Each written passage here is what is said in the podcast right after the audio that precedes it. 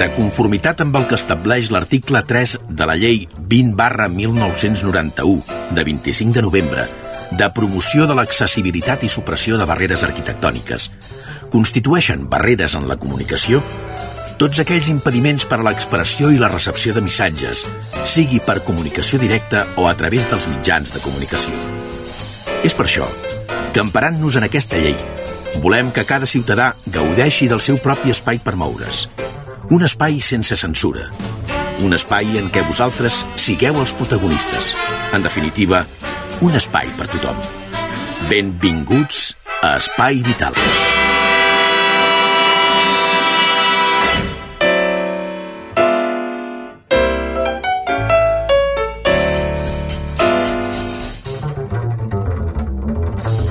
Senyores, senyors, què tal? Com estan? He dit senyores, no?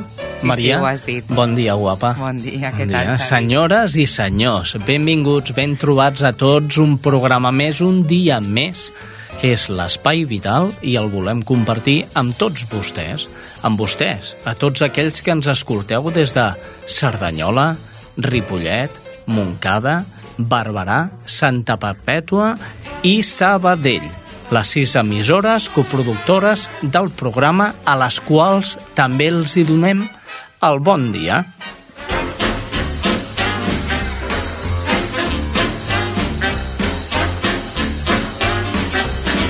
Espai Vital, el primer programa adaptat de les zones.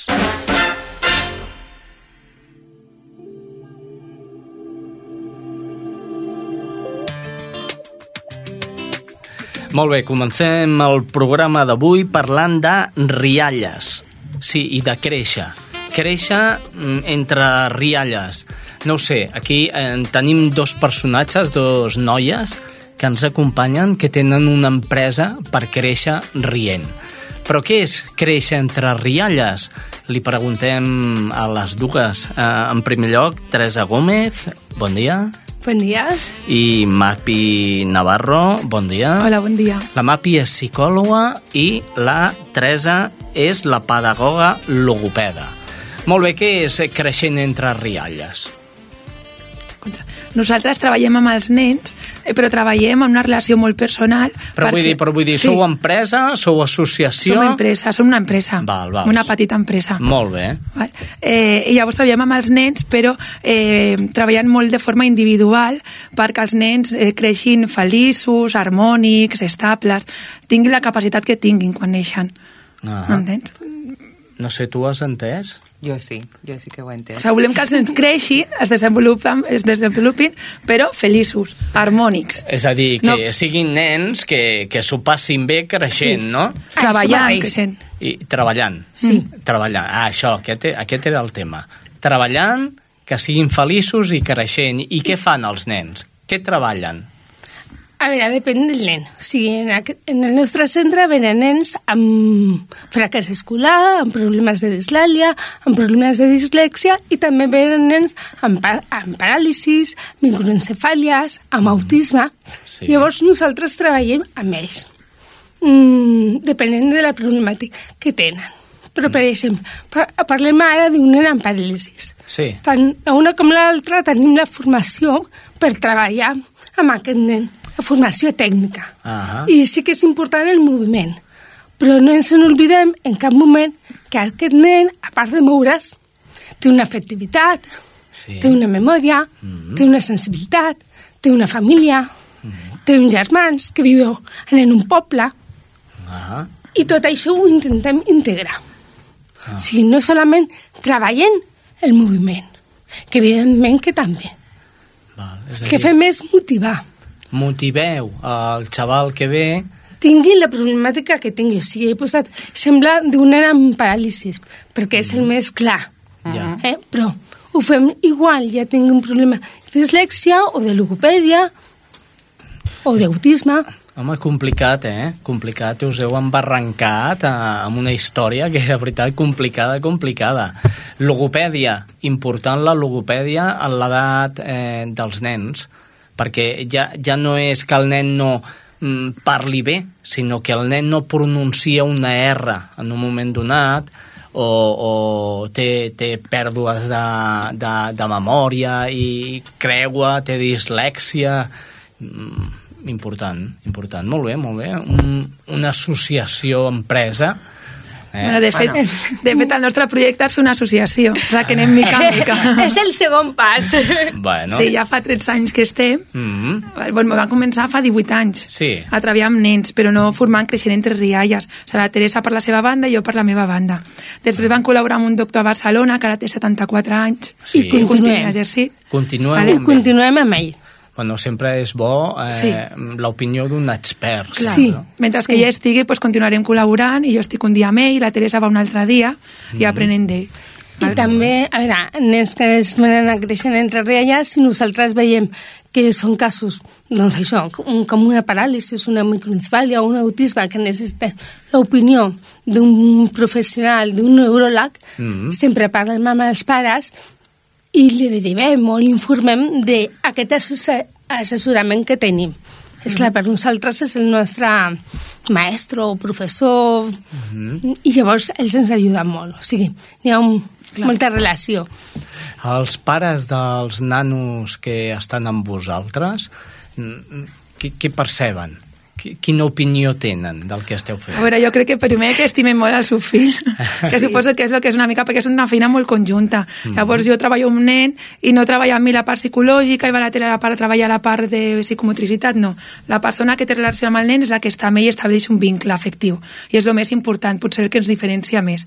Val? I els nens venen supercontents, a gust, se senten estimats, siguin com siguin. O sigui, ja sigui un nen normal o ja tingui problemes de conducta, val? Uh -huh. eh, o sigui un nen amb una discapacitat més severa.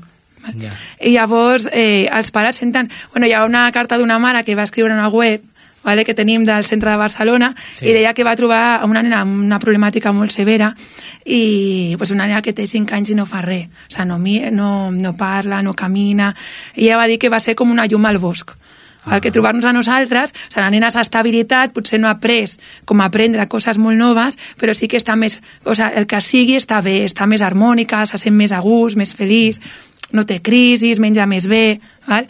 i la mare va dir que va trobar com, pues, això, com si fos una llum al bosc.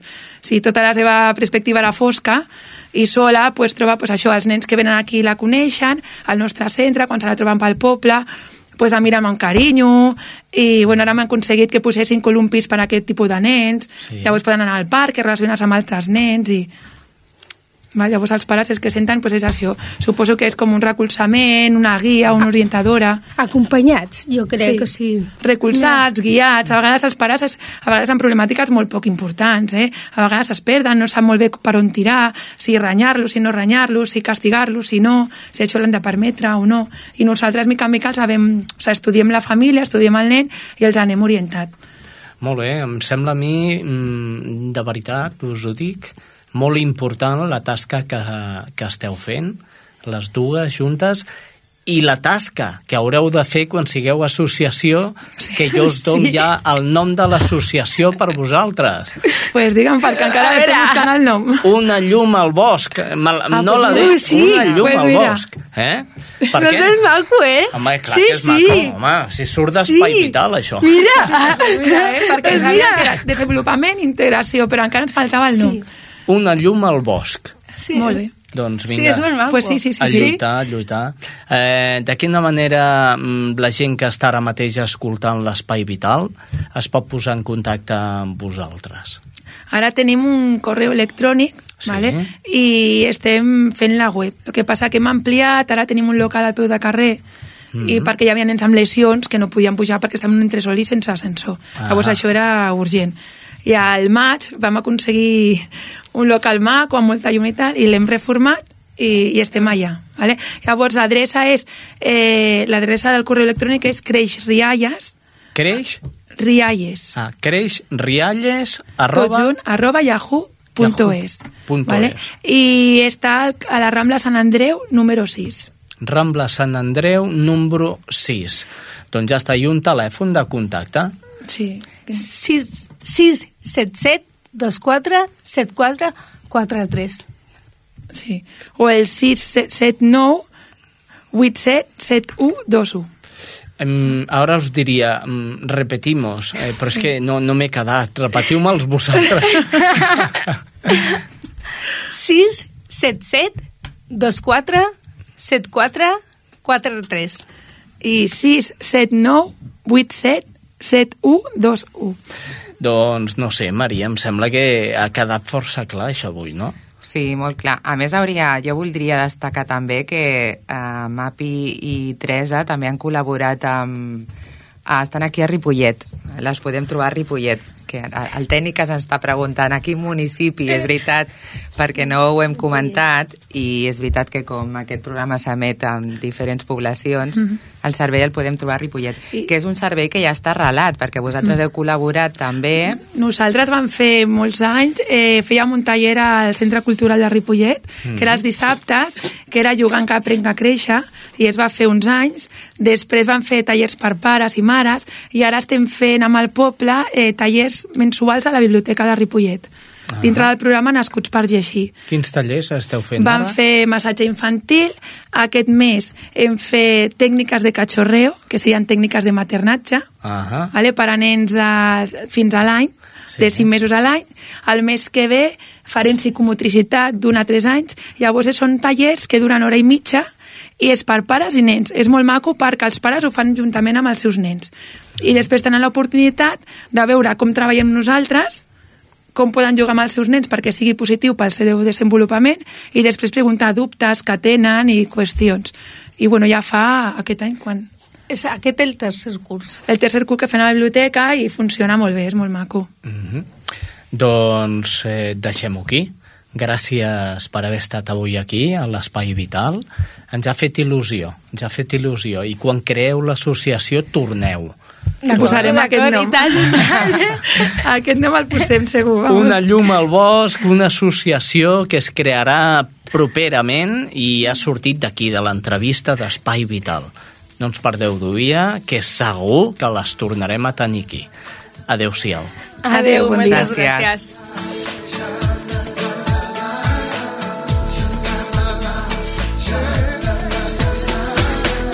I ara és el moment i us convido que us quedeu eh, perquè la Creu Roja eh, Cerdanyola, Ripollet, Montcada han creat un informatiu i voldria que, que l'escoltéssiu perquè és força interessant i simplement per això. Eh? I a vostès, d'acord. i a vostès que ens escolten, escoltin-lo atentament. És l'informatiu de Creu Roja. El presenta el seu president, el Francesc Roset.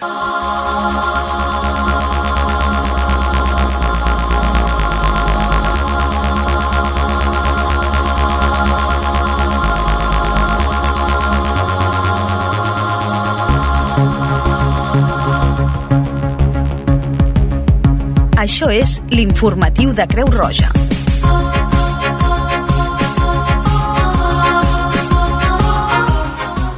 Salutacions cordials. Després del període de vacances d'estiu, la Creu Roja a Cerdanyola, Ripollet, Montcada torna a estar a espai vital per continuar informant sobre fets relacionats amb Creu Roja. Avui col·laboren en aquest programa Mercedes Sotomayor, Alba Lucía Henao, Conxita Montoya i Francesc Roset. Comencem amb notícies d'àmbit internacional. Emergencia humanitaria. Gran hambruna en el cuerno de África. La población en grave peligro necesita urgentemente agua y alimento. La peor sequía vivida desde hace 60 años, el aumento de precio de los alimentos y los conflictos armados de la zona han situado a 10 millones de habitantes del cuerno de África entre la vida y la muerte. 3,7 millones de somalíes, cerca de la mitad de la población en crisis humanitaria. La ONU declara la hambruna para dos regiones del país, algo que no ocurría desde hace décadas. La crisis alcanza a Kenia y Etiopía, que no pueden asistir a los miles de desplazados que llegan de Somalia, huyendo de la violencia sin agua, ganado ni cultivos, sin recursos para sobrevivir, dependen de la ayuda humanitaria con urgencia. Cruz Roja ha destinado los primeros fondos y ya está actuando, facilitando apoyo nutricional para 100.000 personas, en especial a madres e hijos, suministrando comida en las escuelas, distribuyendo semillas y herramientas y garantizando la protección del ganado, rehabilitando pozos y creando depósitos de agua para 5.000 personas. Pero las dimensiones de la crisis son tan enormes y la situación es tan extrema que hace falta una movilización ciudadana a nivel mundial para evitar más muertes. Tu contribución también es imprescindible. Colabora a través de la Cruz Roja. Colabora y haz tu donativo.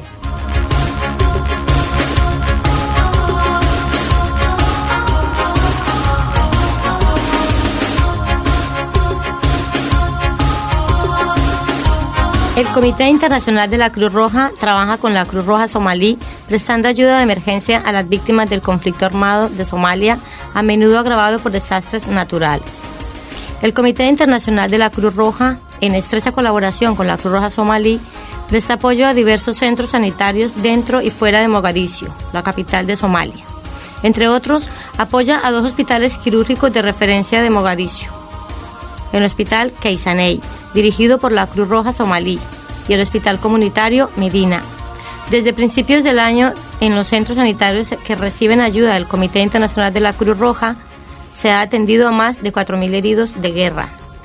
A principios de septiembre, en Galcayo, ciudad del norte de Somalia, se produjeron violentos enfrentamientos entre clanes. A consecuencia de ellos, en los centros sanitarios de la ciudad ingresaron más de 180 heridos.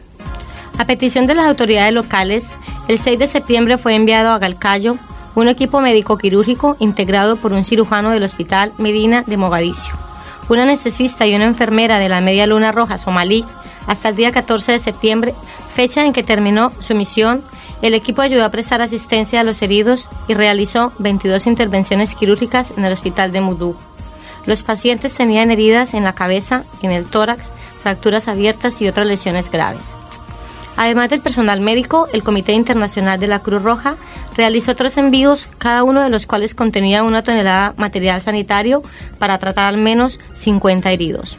El estricto cumplimiento de los principios de neutralidad e imparcialidad permite a la Cruz Roja obtener de las partes en conflicto el libre acceso a zonas remotas en las que se necesita asistencia médica.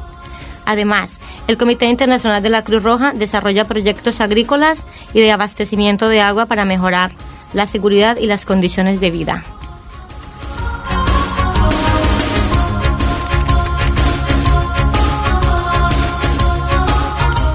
Conflicto armado en Libia.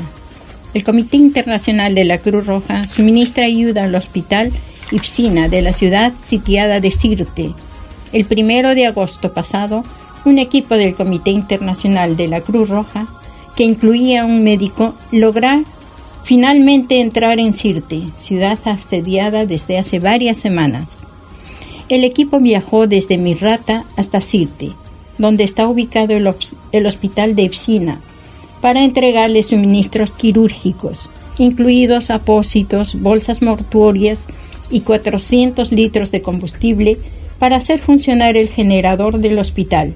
Esta ayuda era vital para prestar tratamiento a unos 200 heridos.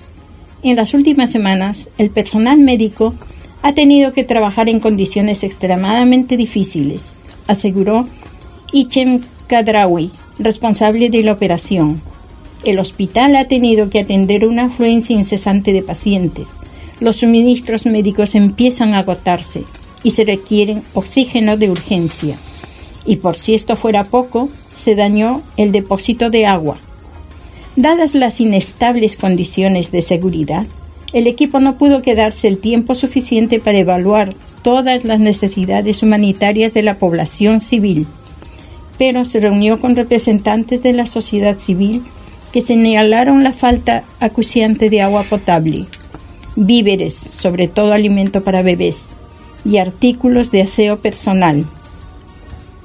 Para el Comité Internacional de Cruz Roja, es de suma importancia poder asistir a todas las personas afectadas por el conflicto, tanto civiles como combatientes, heridos. Nos comprometemos a regresar a Sirte tan pronto como sea posible, afirmó el señor Kadrawi. El Comité Internacional de Cruz Roja recuerda a todas las partes en conflicto la obligación que tienen de conformidad con, los, con el derecho internacional humanitario de tomar todas las medidas de precauciones factibles para preservar la vida de los civiles y permitir el acceso seguro al personal sanitario. Creu Roja, l'informatiu. El Comité Internacional de la Cruz Roja facilita a refugiados somalíes en Kenia el contacto con sus familiares. Muchos de los refugiados somalíes que llegan cada semana a los campos de refugiados de Dadaab, Kenia, huyendo del conflicto armado y de la sequía que asola a Somalia, habían perdido el contacto con sus, con sus parientes con la angustia que ello supone. Para esas personas poder comunicar a sus familiares que han llegado sanas y salvas es tan importante como disponer de agua y comida. En la penosa situación en la que se encuentran, para ellos supone un cierto alivio poder enviar un mensaje a sus seres queridos. Consciente de ello, el Comité Internacional de la Cruz Roja, conjuntamente con la Cruz Roja de Kenia, ofreció a los refugiados un servicio de teléfonos móviles que empezó a funcionar el 18 de agosto. Desde entonces, 7.200 refugiados, incluidos 800 menores de edad, pudieron hablar durante dos minutos con algún pariente para intercambiar noticias familiares y personales. El Comité Internacional de la Cruz Roja dirige diversos proyectos en la región en respuesta a la actual crisis alimentaria y a las necesidades provocadas por el conflicto que sigue afectando a los somalíes. Es uno de los pocos organismos humanitarios capaz de desplegar actividades en el sur y en el centro de Somalia. Noticias d'àmbit nacional. Madrid, cuartas jornadas sobre agua, sequía y voluntariado. Actúa en tu entorno. Ayuda al planeta. 21 de octubre de 2011, Cruz Roja Española, Oficina Central de Madrid. Todos nosotros podemos formar parte activa del desarrollo de nuestra comunidad.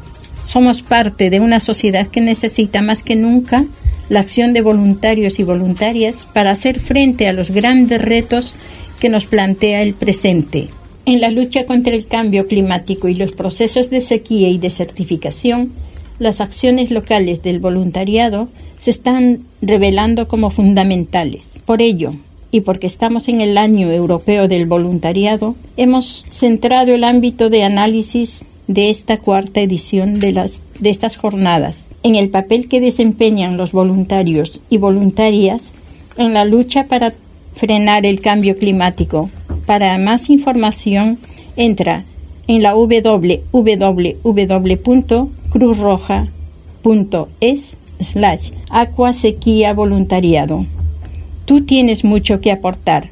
Ven y participa en las cuartas jornadas de agua, sequía y voluntariado.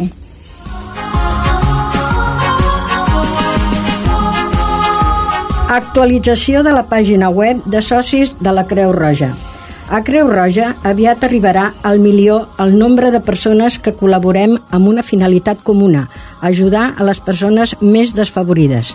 Per això ens hem proposat estreny encara més la relació que tenim amb els socis, posant en marxa un espai propi per a ells. Sempre que ho vulguis, podràs accedir al web www.cruzroja.es barra socios per gestionar les teves dades, informar-te sobre la marxa dels projectes dels quals tu també n'ets partícip o simplement compartir les teves experiències amb altres socis de la Creu Roja. Ara hi trobaràs més actualitat, més participació, més continguts audiovisuals, més històries com la teva, més espai per a tu, més informació, accés al món Creu Roja i integració en xarxes socials. Entra-hi i participa. Comparteix amb nosaltres la història que t'uneix a la Creu Roja i ajuda'ns a difondre la nostra tasca humanitària entre els teus contactes.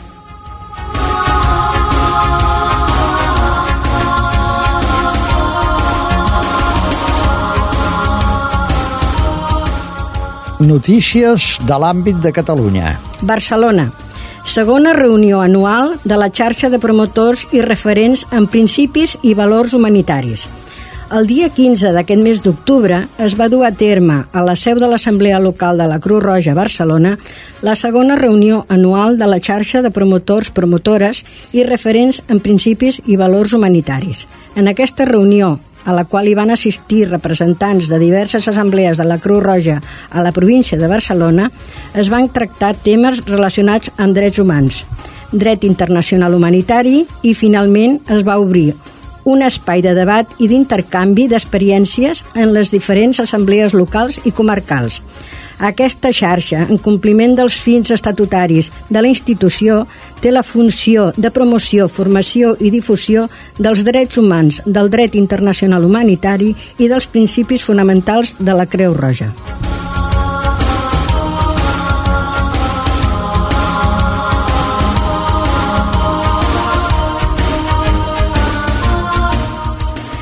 Continuem amb Barcelona. Exposició L'Art Solidari. Més important que una obra d'art per si mateixa és el que sembrarà. L'art pot morir, una pintura pot desaparèixer, el que compta és la llavor. Això ho va dir Joan Miró. L'any 1977, Joan Miró va donar a la Creu Roja el quadre Gràcies, gràcies, en agraïment a una atenció sanitària rebuda. Des d'aleshores, la institució humanitària ha rebut diferents donacions d'obres d'artistes de gran renom, prestigi i reconeixement internacional, com ara Tàpies, Clavé, Barceló, Guinovar, Viladecans, Subirats, Artigau, Ràfols Casamada, Gudiol, Mariscal, Rosa Serra i Assumpció Mateu, entre molts altres. Amb els anys, la Creu Roja ha plegat tot de donacions artístiques desinteressades que n'han conformat el fons d'art i que ara mostren aquesta exposició. No es tracta només d'un conjunt d'obres d'art, sinó d'altaveus ben vius d'allò que empanya tota una societat i també la Creu Roja a intervenir activament davant de les adversitats a què ha de fer front la humanitat. El nexe d'unió entre aquestes grans artistes, aquests grans artistes, perdó, és la transmissió unívoca de valors que són inherents al moviment humanitari i solidari més gran del món i amb més de 150 anys d'assistència, la Creu Roja. Valors com el de la solidaritat, l'ajuda, el respecte, la dignitat de la persona i donar-hi suport a la humanitat configuren l'eix al, al voltant del qual els pintors han construït el seu missatge compromès amb i per a la societat de la qual formen part. L'exposició resta instal·lada a Caixa Fòrum, Avinguda de Francesc Ferrer i Guàrdia, 6-8 de Barcelona, de, del 21 de setembre al 27 de novembre d'enguany. L'entrada és gratuïta.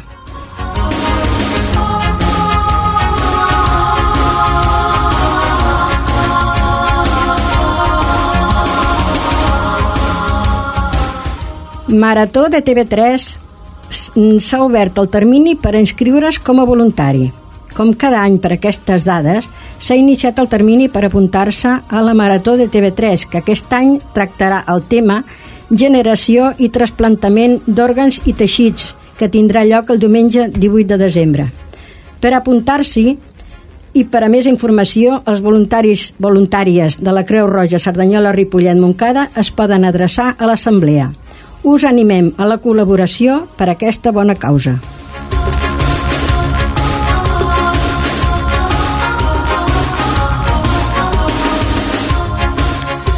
Notícies d'àmbit de Cerdanyola, Ripollet, Moncada. Marató de donació de sang a Cerdanyola. El passat dia 28 de setembre va tenir lloc a l'Ateneu la Marató de Donació de Sang de Cerdanyola, en la qual va participar Creu Roja a Cerdanyola, Ripollet, Moncada, amb la col·laboració de vuit voluntaris voluntàries que van ajudar en diferents tasques en dos torns de quatre persones. L'aportació de voluntaris per part de Creu Roja posa en evidència la solidaritat que sempre demostren les persones adscrites al voluntariat davant les necessitats del dia a dia.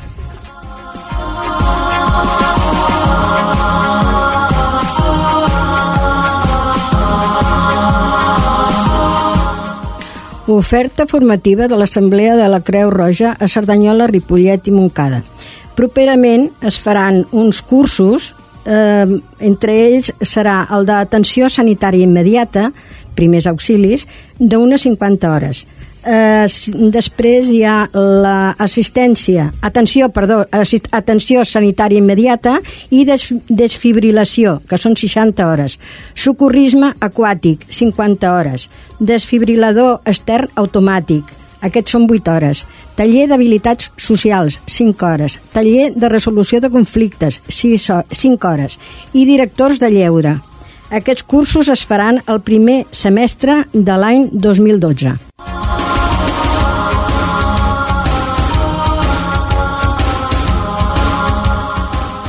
Programa de distribució de kits de suport social.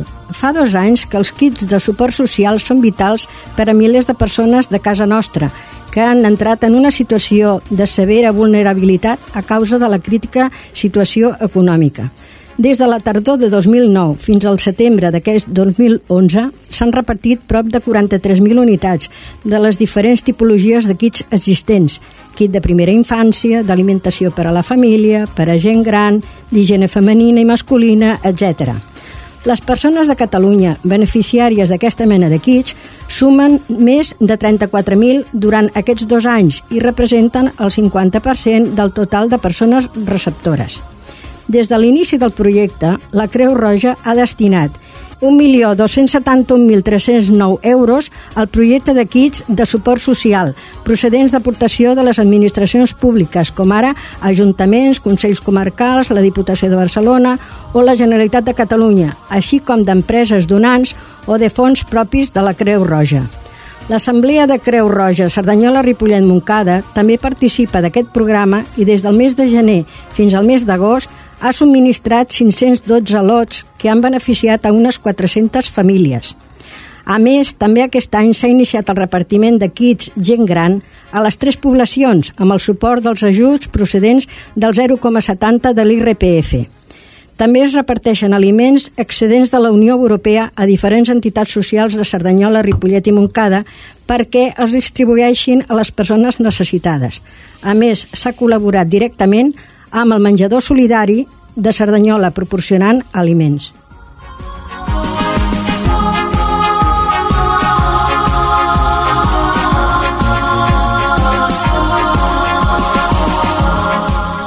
Finalment, ens complau anunciar que properament l'Assemblea Comarcal de la Creu Roja Cerdanyola Ripollet Moncada tindrà el seu petit museu. A la seu de l'Assemblea hi ha un petit local destinat a museu on es tracta de recollir i exposar al públic objectes relacionats amb la Creu Roja en general i en particular amb la seva trajectòria històrica a Cerdanyola, Ripollet, Moncada. Des d'aquí volem fer una crida per si hi ha alguna persona que amablement volgués col·laborar a augmentar el fons del museu cedint qualsevol tipus de material relacionat amb la Creu Roja i que encara conservi a casa seva. Gràcies per endavant. Uh, per a més informació sobre totes les notícies que acabem de donar, poden contactar amb l'Assemblea Comarcal de la Creu Roja a Cerdanyola, Ripollet, Moncada, Avinguda de la Creu Roja 2529, Cerdanyola del Vallès, el telèfon és el 93 691 61 61. Repeteixa'l. 93 691 61 61. A l'e-mail és informació.cerdanyola arroba creuroja.org RG. En tots els casos eh, seran atesos personalment per telèfon o per e-mail de dilluns a divendres de 9 a 13 i de 16 a 19. Moltes gràcies per la seva atenció. Fins al proper noticiari.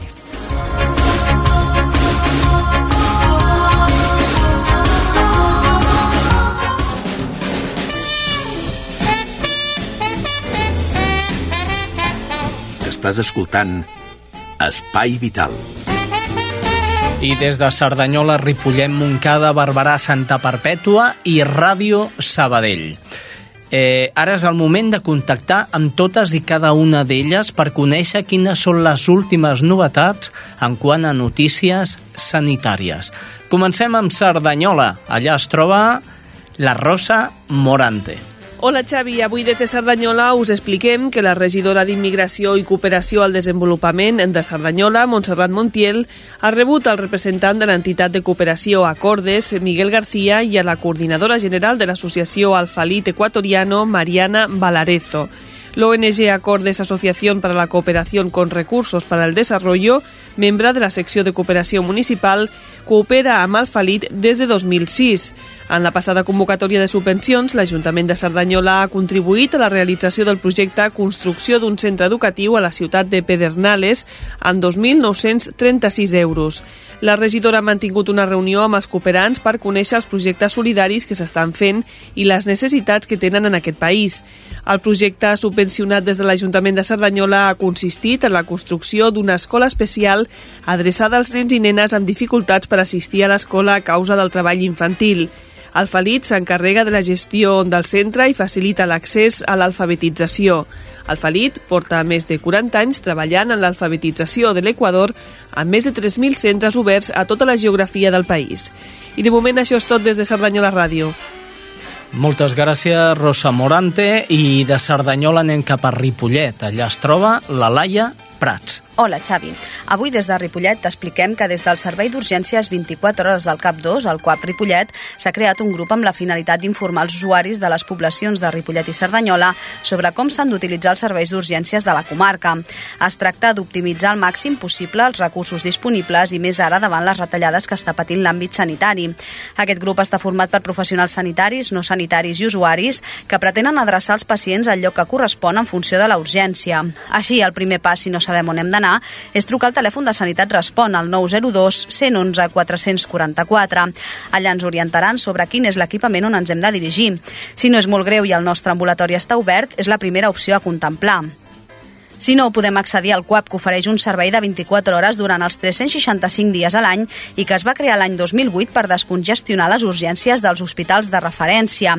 Per últim, si creiem que la situació és molt greu, s'ha de trucar al 061 o al 112 per tal que el trasllat fins a l'hospital sigui en un vehicle medicalitzat. Tota aquesta informació es donarà a conèixer a través del contacte entre sanitaris i ciutadans, amb informació als taulells d'ambulatoris i ajuntaments, així com amb entrevistes als mitjans de comunicació.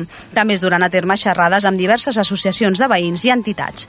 I això és tot, fins la setmana vinent. Gràcies, Laia Prats, fins la setmana vinent i ara és hora de marxar. Anem cap a Montcada. A Montcada Ràdio, l'encarregada de la crònica d'aquesta setmana és la Sílvia Díaz. Hola, salutacions des de Montcada a l'Espai Vital. Avui us parlarem dels efectes col·laterals de la reestructuració sanitària que està duent a terme la Generalitat. Des de l'1 de novembre, les farmàcies de Montcada han deixat de fer guàrdia durant tota la nit i tancant a les 12, just quan deixen d'atendre els serveis mèdics d'urgència del Centre d'Atenció Primària de la plaça Lluís Companys. Al matí, l'establiment que té guàrdia aquell dia obren el seu horari habitual, no tancar al migdia, i roman obert fins a la mitjanit. Els farmacèutics locals van arribar a aquest acord entenent que no són botigues que obren les 24 hores, sinó establiments que tenen mentre hi ha servei mèdic mèdic, tot assegurant que la modificació d'horaris a l'ambulatori de la zona central la provoca el canvi de model sanitari impulsat pel govern català. Més enllà de la mitjanit, doncs, l'atenció mèdica continuada es dona al CUAP de Cerdanyola-Ripollet i els usuaris han d'anar a les farmàcies de Tor d'aquests municipis per obtenir els medicaments que els metge els ha receptat. El canvi d'horari de les guàrdies rep el vistiplau del Col·legi de Farmacèutics que autoritzava les farmàcies fins i tot fer el mateix horari que els ambulatoris des del primer dia del tancament de les 24 hores de servei continuat. Els professionals del municipi van comunicar l'acord als representants de l'Ajuntament amb els quals van mantenir una reunió a mitjan d'octubre. Segons l'alcaldessa de Montcada i Reixac, Maria Elena Pérez, el consistori respecta aquesta decisió perquè ve avalada per la Generalitat i el Col·legi de Farmacèutics, però assegura que l'administració local no comparteix aquest model sanitari i treballarà per retornar a Montcada a les urgències de 24 hores. Això és tot. Fins la setmana vinent. Gràcies, Sílvia Díaz. Des de Montcada Ràdio anem corrents cap a Ràdio Barberà. Allà es troba Judit González. Salutacions des de Ràdio Barberà. El passat cap de setmana, 15 i 16 d'octubre, la plaça de la Vila de Barberà del Vallès va acollir una nova edició de la Mostra d'Entitats, on també hi va haver espai per la salut. Dissabte, l'espai de xerrades va acollir un monòleg sobre el càncer a càrrec de l'Associació Espanyola contra el Càncer. Per la seva banda, diumenge aquest mateix espai va acollir una xerrada sobre el benefici de les teràpies naturals a càrrec de Fibro Barberà i un altre col·loqui sobre les greus conseqüències de l'amiant sobre la població. A l'espai polivalent va ser la Creu Roja, la Federació d'Associacions de Veïns de Barberà, l'Associació Corazón de León, l'Associació Barberà Creix, Lactància i Criança, que van ser els encarregats de realitzar diferents tallers adreçats a grans i petits. Amb aquesta nova edició de la mostra d'entitats es posa de manifest un any més la bona salut de les associacions de Barberà del Vallès. Fins la setmana vinent. Gràcies, Judit González. Eh, marxem més cap amunt i ens anem cap a Santa Perpètua de la Moguda. Allà es troba la nostra estrella, l'estrella Núñez. Hola Xavi, hola amics i amigues de l'Espai Vital. L'Ajuntament de Santa Perpètua ha endegat novament la campanya de recollida de bolquers davant de la necessitat que pateixen algunes famílies. La iniciativa, promoguda per la Regidoria de Serveis Socials, pretén elaborar lots amb productes de primera necessitat per als nadons, com ara bolquers, xumets, tovalloles higièniques o esponges. Les escoles bressol municipals, els Pins, Can Folguera i l'Espiga, i la llar d'infants nins, juntament amb Càritas, col·laboren en la campanya i fan la recollida d'aquest material. Un dels objectius és sensibilitzar la població de que els nadons són els més febles en el context de la crisi.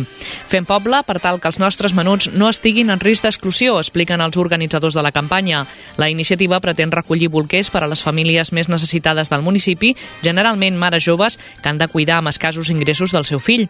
Cada mes es reparteixen a les mares aquests lots. Els bolquers poden ser individuals, aquells que ja no es faran servir. L'organització espera que molts pares i mares d'alumnes de les escoles Bressol s'impliquin activament en la iniciativa, com ja va passar en edicions edicions anteriors. De moment això és tot des de Santa Perpètua. Fins la setmana vinent. Fins la setmana vinent, Estrella. Anem cap a Ràdio Sabadell. Avui incorporació nova, una veu nova dintre de l'Espai Vital. La crònica és de Núria Brugués. Salutacions des de Sabadell. L'organització no governamental Cit Mosquitia espera poder mantenir un dels seus projectes estrella a la selva d'Honduras. Es tracta d'una escola d'oficis que ha de servir per donar sortides econòmiques als habitants de la zona. La crisi econòmica aquí, però, podria provocar que el projecte s'allargui en el temps i no es pugui posar en marxa fins l'any 2013.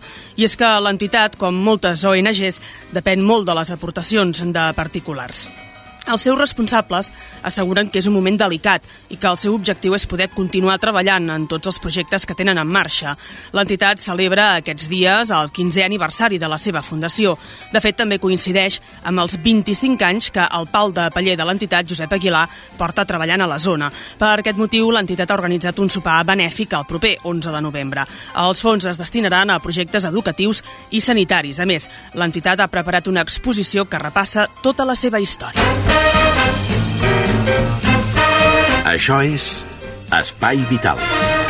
I entre espai vital i espai vital ens entra aquella flaire, aquella gana, eh, que ens comporta que anem ràpidament a l'espai de cuina, que recordeu, té com a protagonista a la Conxita Naudi, una nova cuinera. Escolteu-lo, ja veureu què bé.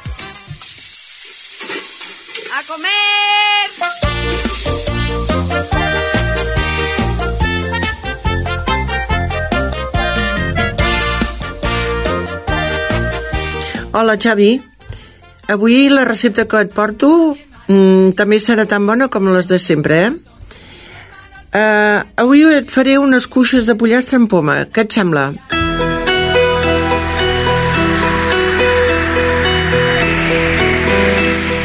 Els ingredients necessitarem 4 cuixes de pollastre, una ceba, un porro trossejat, 3 pomes golden, suc de mitja llimona, una fulla de llorer, dues pastanagues pelades i trossejades, una branca de canyella, oli d'oliva, sal i pebre.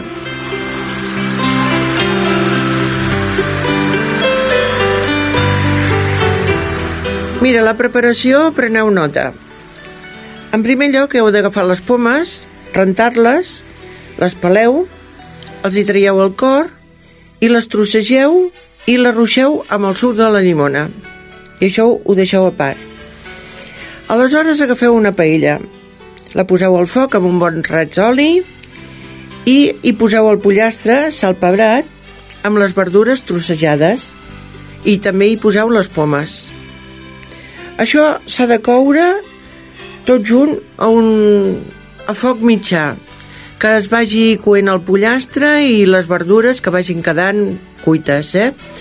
eh el pollastre ja sabeu que més aviat una mica rosset. Les verdures us quedaran encara que sigui, us desfagin, és igual, perquè un cop estigui tot això cuit, el que heu de fer és treure el pollastre de la paella, treure el llorer i la canyella i passeu per la batedora les verdures i les pomes. La salsa us pot quedar una mica espessa, però també hi podeu afegir-hi una miqueta d'aigua. Uh, quan estigui tot això, ho heu d'escalfar perquè, bueno, abans de servir, ho torneu a posar junt i ho escalfeu tot junt i ho rectifiqueu de sal i de pebre si convé. Uh, això necessiteu que la salsa sobretot no us quedi espessa i poseu una miqueta d'aigua. També va molt bé per sucar i pa. Ja veureu que us quedarà molt bona. Bé, mm, ja veieu que és una recepta molt senzilla, però espero que la feu, que la disfruteu i fins la setmana que ve.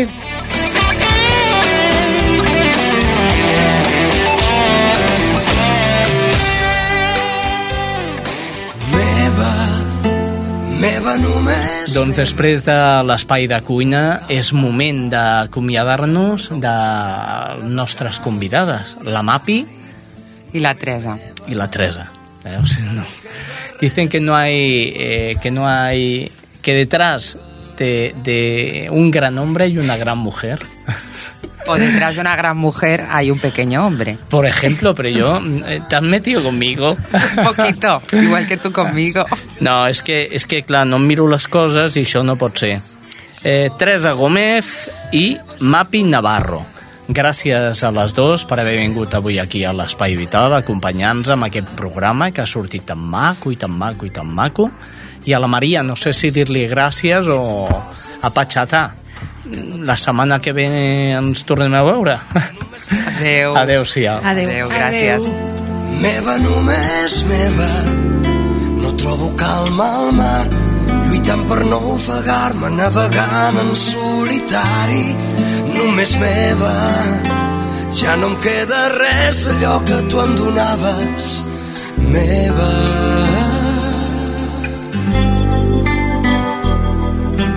Freda, una altra nit tan freda jo per ella vaig ser pluja d'una primavera. No em va voler més i jo la sento meva així com l'aire com oblidar-me de la seva pell si jo la sento meva. Però penso que ets un cos sense ànima que no et fa mal res per dintre que només creguis que faig del dolor un joc per tenir-te. I ara em falta l'aire de l'amor vas fer mentida, tu vas condemnar-me. Deixa'm oblidar-te així, sense paraules, amb el silenci no tornar la calma. Deixa'm oblidar-te sense pressa, amb l'angoixa dels meus dies. Jo deixaré que sigui el temps que em tanqui totes les ferides. Si no hi ets, la nit és sempre freda. Si com l'aire em sento encara meva, deixa'm oblidar.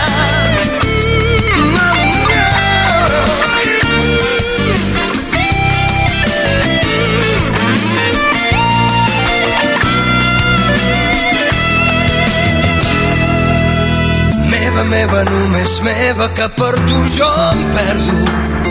Igual que ho farà el sol a la distància cada dia, trencaré cada record, però encara és meva, així com l'aire. Com oblidar l'aroma del seu cos si encara és meva. Mm, yeah. I jo ho sento, si ets un cos sense ànima i ja no et fa mal res per dintre, que creguis que he inventat un joc tan sols per oblidar-te i t'has endut tot l'aire de l'amor vas fer mentida tu vas condemnar-me deixa'm oblidar-te així sense paraules amb el silenci no ha tornat la calma. Deixa'm oblidar-te sense pressa, amb l'angoixa dels meus dies. Jo deixaré que sigui el temps que em tanqui totes les ferides. Si no hi ets la nit és sempre freda. Si com l'aire et sento encara meva, deixa'm oblidar-te. Així amb el silenci no ha tornat mai més la calma. Deixa'm oblidar-te sense pressa, amb l'angoixa dels meus dies. Jo deixaré que sigui el temps que em tanqui totes les ferides. Si no hi ets la nit és sempre freda, si com l'aire et sento encara meva.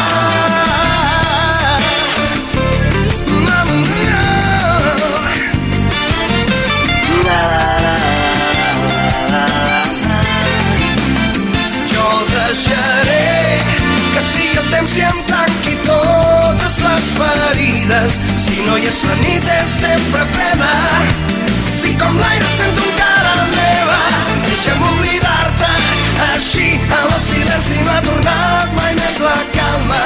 Deixa'm oblidar-te sense pressa amb l'angoixa dels meus dies.